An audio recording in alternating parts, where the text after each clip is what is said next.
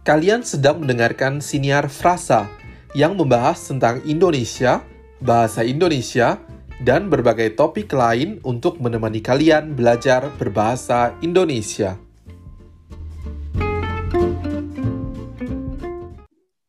Halo teman frasa, kembali lagi bersama aku Yohanes Dan aku Trias. di Siniar Frasa Bahasa Indonesia.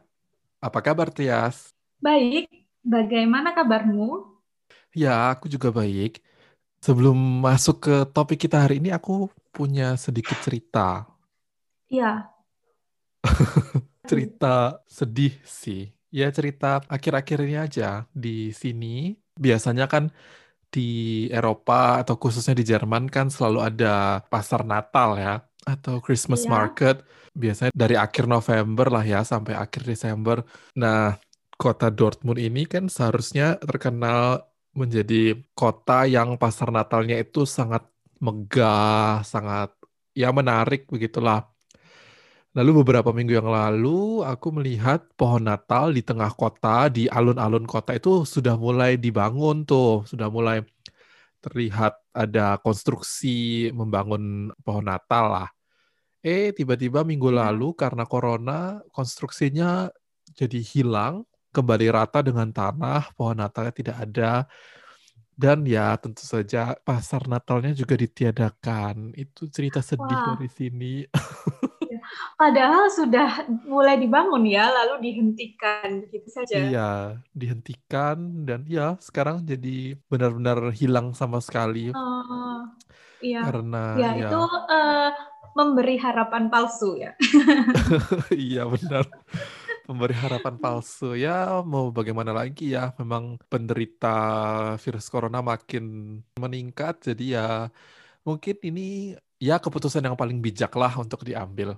Ya, dan kita juga harus menaati aturan. Iya, Eh, mungkin kamu bisa belanja daring atau membeli makanan daring juga. Eh, kalau misalkan Iya. kamu ingin membeli Lalu- sesuatu dari pasar Natal. Aku merayakan sendiri ya di di dalam kamar. Nah, nanti kamu bisa melakukan panggilan video ke keluarga, ke teman-temanmu, atau ke aku juga. Oke, Ya, kalau aku juga ada cerita sih minggu ini. Iya. Eh, aku mengajar setiap hari Senin dan hari Rabu.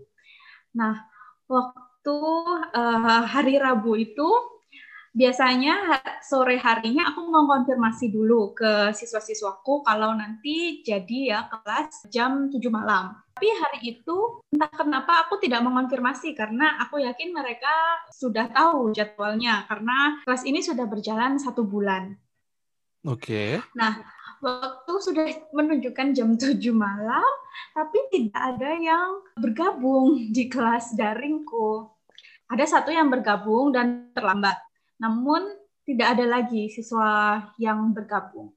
Setelah itu aku coba hubungi siswaku dan dia bilang, "Eh, maaf, aku lupa kalau hari ini hari Rabu dan aku sekarang sedang di mall." dia Oke. belanja, jadi lupa kalau ada kelas. Akhirnya, karena kelas yang biasanya 2 sampai 3 orang hanya dihadiri satu orang, kan jadi waktunya tersisa banyak ya. Aku Ya. mereview pemahaman siswaku dengan menggunakan permainan untuk menghabiskan waktu. Nah, aku menggunakan permainan ular tangga nih. Akhirnya ini mengingatkanku pada masa kecilku dulu. Eh, pasti kamu juga ingat ya, kamu dulu pernah kan main ular tangga?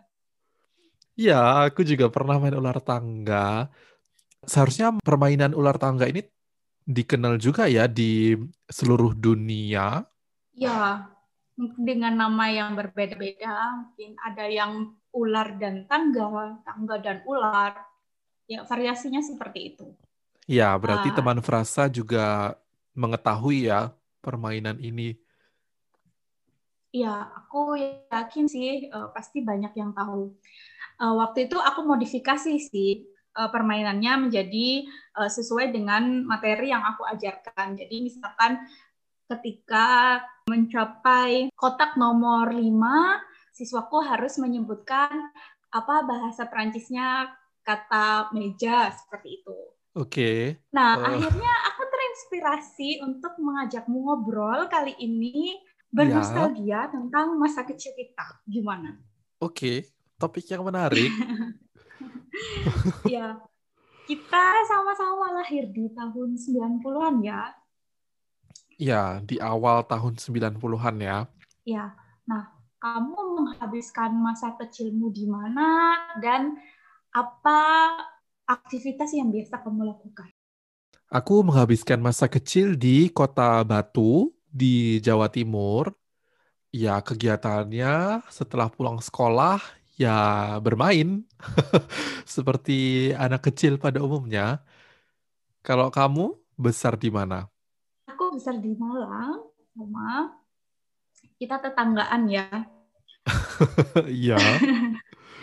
ya, aku besar di Malang. Tidak hanya menghabiskan masa kecil sih, aku di Malang sampai aku lulus kuliah. Nah, aktivitasku masa masa kecil sama sekolah, setelah itu bermain. Menyenangkan ya, jadi anak kecil itu. Cukup sekolah ya, lalu main. Iya, kalau sekarang tidak bisa ya kita iya. bermain setiap hari. Nah, kamu dulu ya permainan apa yang kamu lakukan? Permainan banyak sekali ya. Oh ya, sebelum bermain biasanya aku pulang sekolah langsung mengerjakan pekerjaan rumah atau PR. Wah, rajin supaya, ya.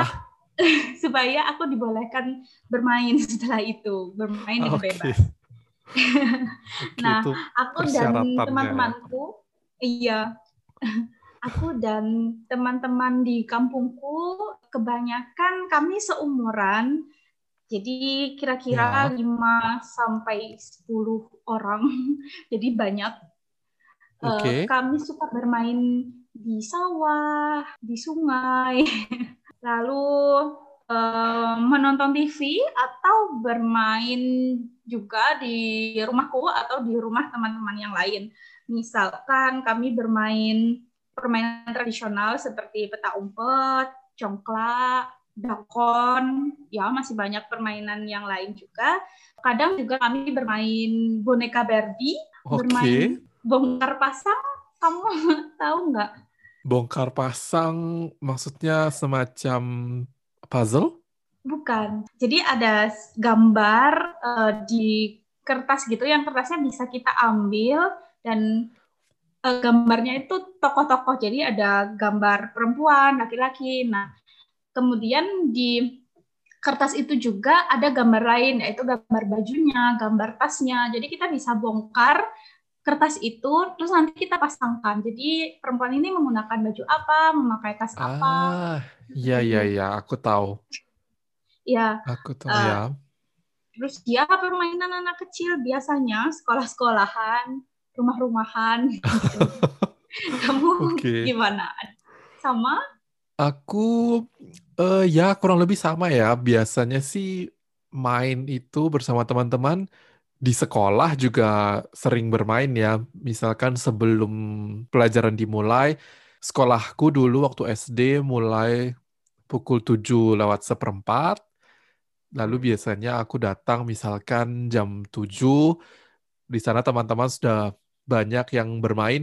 Biasanya aku bermain benteng, yeah. kamu tahu ya, main benteng, lalu ya permainan banyak berlari gitu. Itu kalau yeah. di sekolah. Lalu setelah pulang sekolah, ya macam-macam ya, bisa bermain monopoli atau ular tangga seperti yang kamu gunakan bersama muridmu.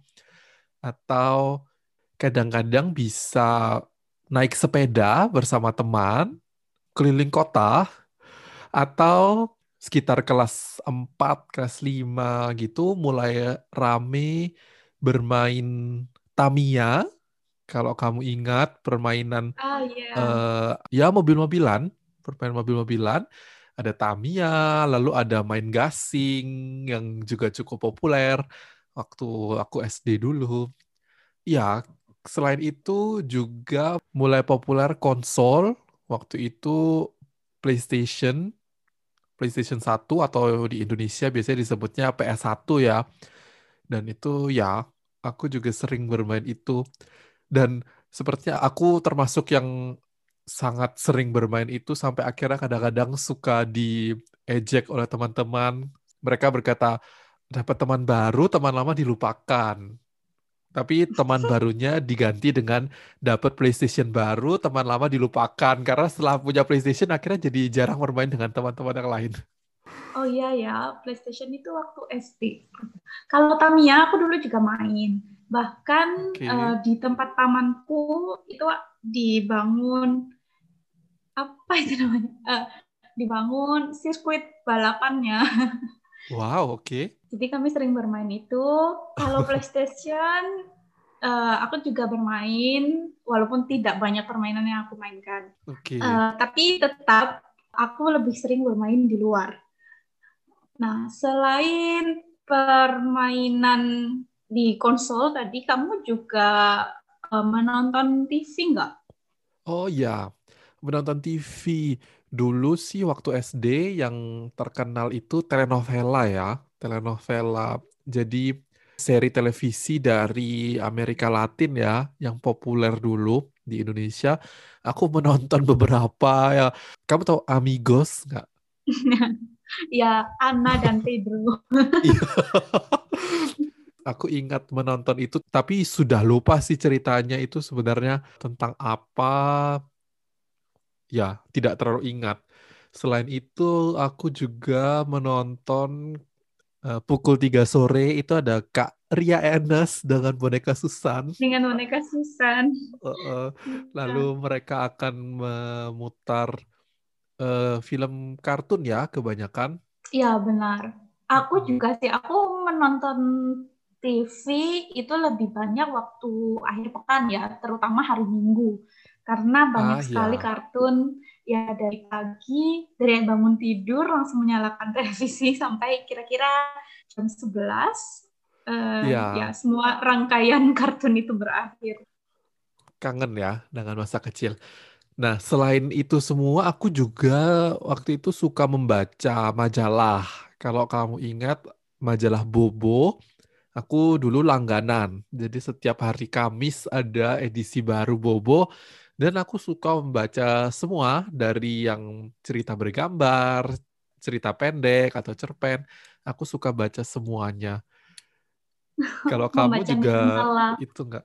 Ya, Nirmala. Kamu juga membaca majalah atau enggak?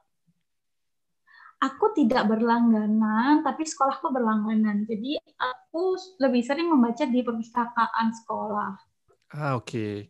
Eh, dan seingatku kami bisa uh, meminta ke pustakawannya misalkan Bu saya ingin membaca buku ini uh, apa bisa dibeli di bulan depan seperti itu kita bisa mengajukan satu judul uh, majalah atau buku seperti itu wah asik sekali ya sekolahmu mendukung muridnya untuk lebih banyak membaca ya tidak terbatas pada bacaan pelajaran ya, tapi juga pelajaran, untuk ya. hiburan.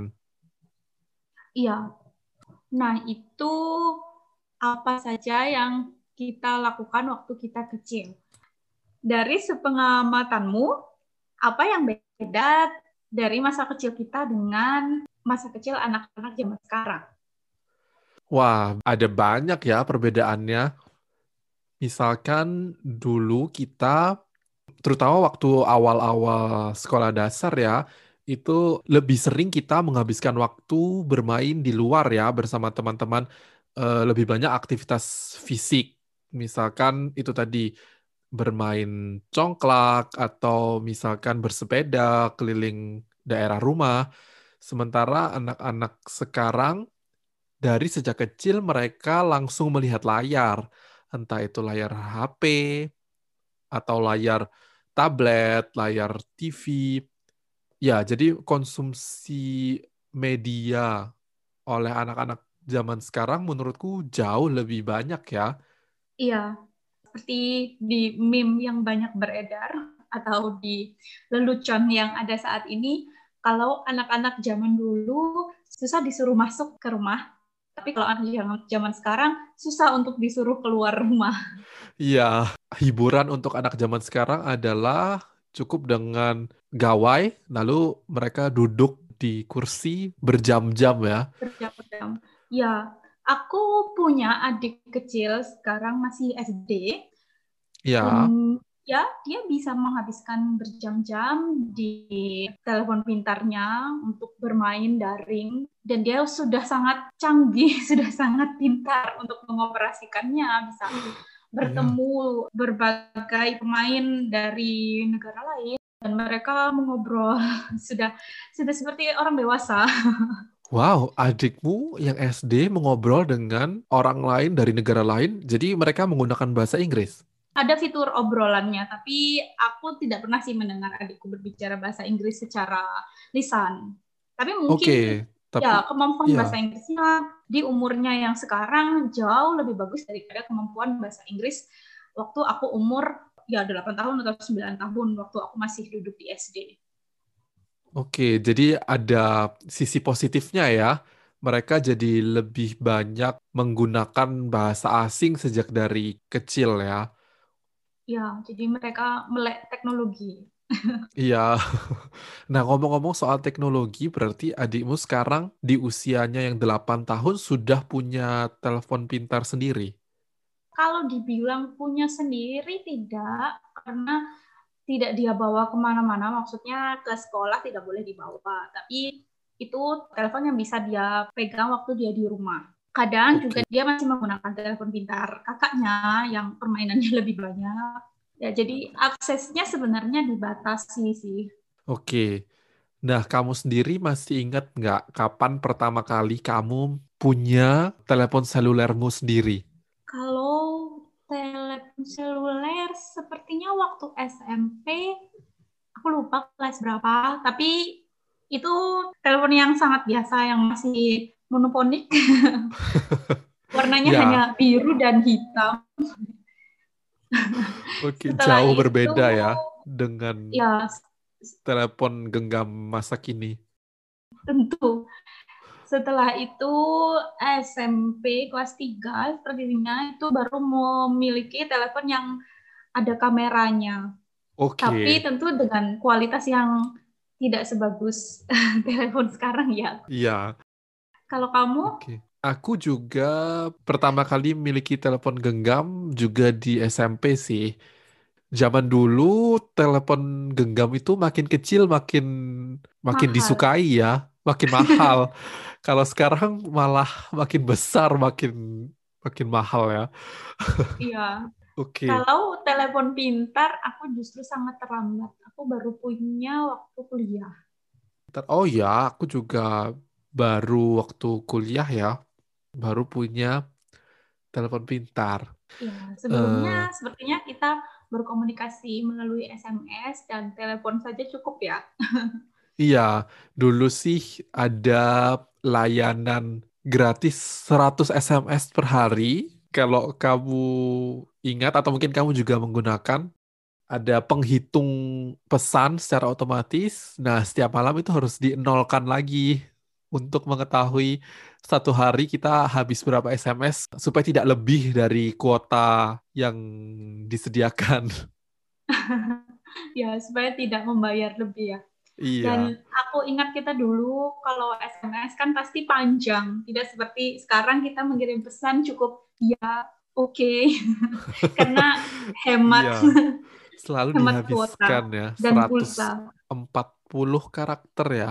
Iya. Eh 100 140 ya? Iya, 140, tapi bisa panjang, jadi nanti menjadi dua atau lebih uh, pesan yang terpisah. Ah, tapi dulu sih kita menulisnya semuanya disingkat supaya pesan kita bisa dituliskan dalam 140 karakter. Jadi menulisnya harus cerdik, ya kan? Iya, supaya hemat. Selain SMS, dulu juga ada masa-masanya telepon tapi cuma dua detik atau kurang. Kamu begitu juga nggak? Aku agak lupa sih. Itu seperti apa?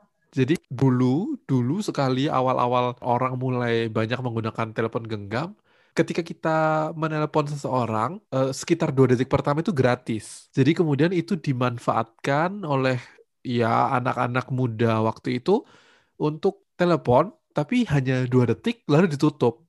Kemudian dua detik lagi ditutup. Kamu nggak pernah melakukan itu? Sepertinya enggak. Aku lupa. Uh, ah, yang aku ingat biasanya kita hanya telepon tanpa diangkat uh, untuk okay. memancing teman kita supaya membalas SMS kita.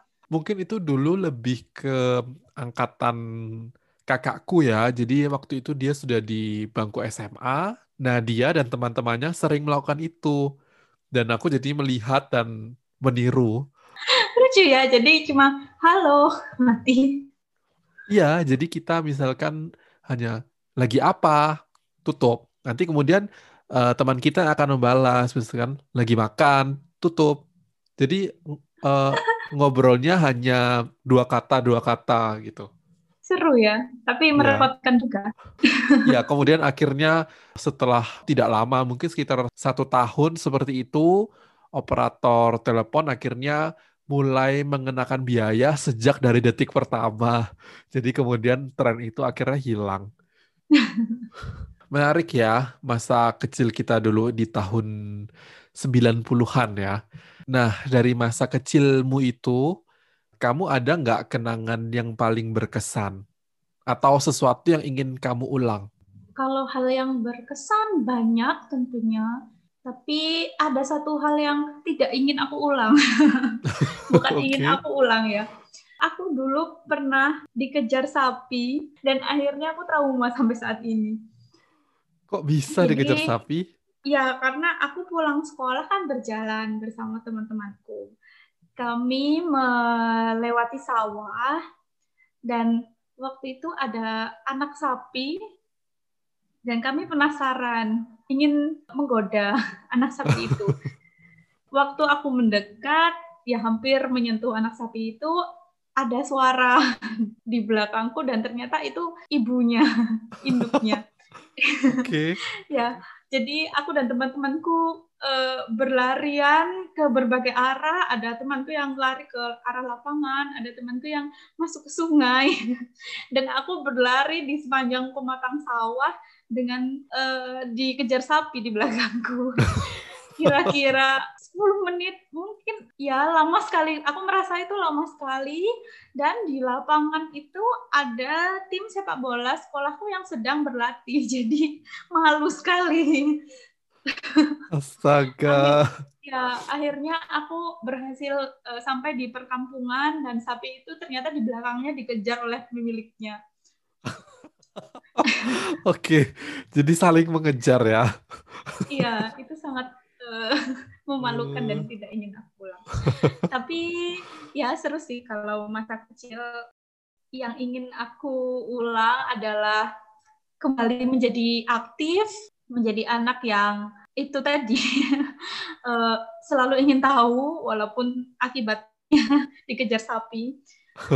Dan ya tentunya yeah sebagai anak kecil kita memiliki ritme hidup yang bagus ya. Jadi kita bangun pagi, kemudian tidur tepat waktu. Ya sekarang sangat susah kita dapatkan lagi. Nah, kalau kamu ada kisah yang berkesan atau lucu? Nah, kalau kamu sendiri bagaimana? Ada kenangan masa kecil yang paling berkesan dan ingin kamu ulang lagi? Kalau aku mungkin uh, lebih ke momen-momen bermain bersama dengan teman ya. Karena dulu waktu SD aku punya teman-teman yang sering bermain bersama. Sementara sekarang kan kami sudah jarang berko hampir tidak pernah berkomunikasi karena ya masing-masing sibuk dengan kehidupannya sendiri-sendiri dengan pekerjaannya dan sudah tidak sering bertukar kabar ya. Jadi mungkin ya ingin sepertinya mengulang kembali momen-momen dulu bermain dengan teman-teman sepermainan, bermain apa pun sih, mulai dari kejar-kejaran, petak umpet, sampai bermain konsol, juga bersama orang yang itu-itu saja, teman yang itu-itu lagi, andaikan bisa ya, mengulang bermain bersama mereka. Ya, kamu bisa mungkin menginisiasi reuni dengan teman-temanmu? Ya, kemudian terus bisa mengadakan permainan daring ya. Kan sekarang makin populer dengan adanya pandemi. Iya, kecuali main congklak ya. Oke. Okay. Nah, bagaimana dengan teman frasa? Permainan apa atau kenangan apa yang paling berkesan selama masa kecil teman frasa? Teman-teman bisa menceritakannya melalui pesan suara di anchor kami atau melalui email di kontakfrasa@gmail.com.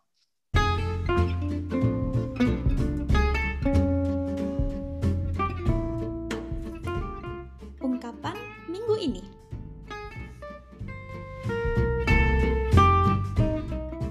Ungkapan minggu ini adalah sebuah peribahasa yang sepertinya dikenal oleh seluruh orang Indonesia, yaitu ada udang di balik batu. Artinya, ada maksud tertentu atau ada niat tersembunyi di balik tindakan seseorang.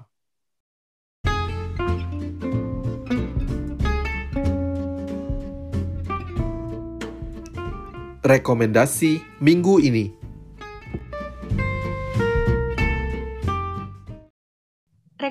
Kami minggu ini adalah film berjudul Petualangan Sherina. Film yang pertama kali rilis pada tahun 2000 yang lalu sangat populer di antara kami anak generasi 90-an. Film komedi musikal ini berhasil memenangkan penghargaan Asia Pacific Film Festival tahun 2000 dan enam kategori nominasi pada Piala Citra 2004. Petualangan Sherina menceritakan Sherina, seorang anak yang harus mengikuti orang tuanya pindah dari Jakarta ke Bandung. Selanjutnya, film ini menceritakan petualangan Sherina di Bandung dari pindah sekolah hingga menemukan berbagai konflik yang sangat menarik. Karena film ini sangat populer, produser dan sutradaranya kemudian menggarap sequel dari film ini dan akan tayang tahun depan. Sequel kedua ini akan menceritakan petualangan Cerina yang sudah dewasa. Sambil menunggu rilisnya, teman-teman bisa menonton film yang pertama dulu. Selamat menonton! Terima kasih sudah mendengarkan Siniar Frasa. Sampai jumpa minggu depan. Dah. Da.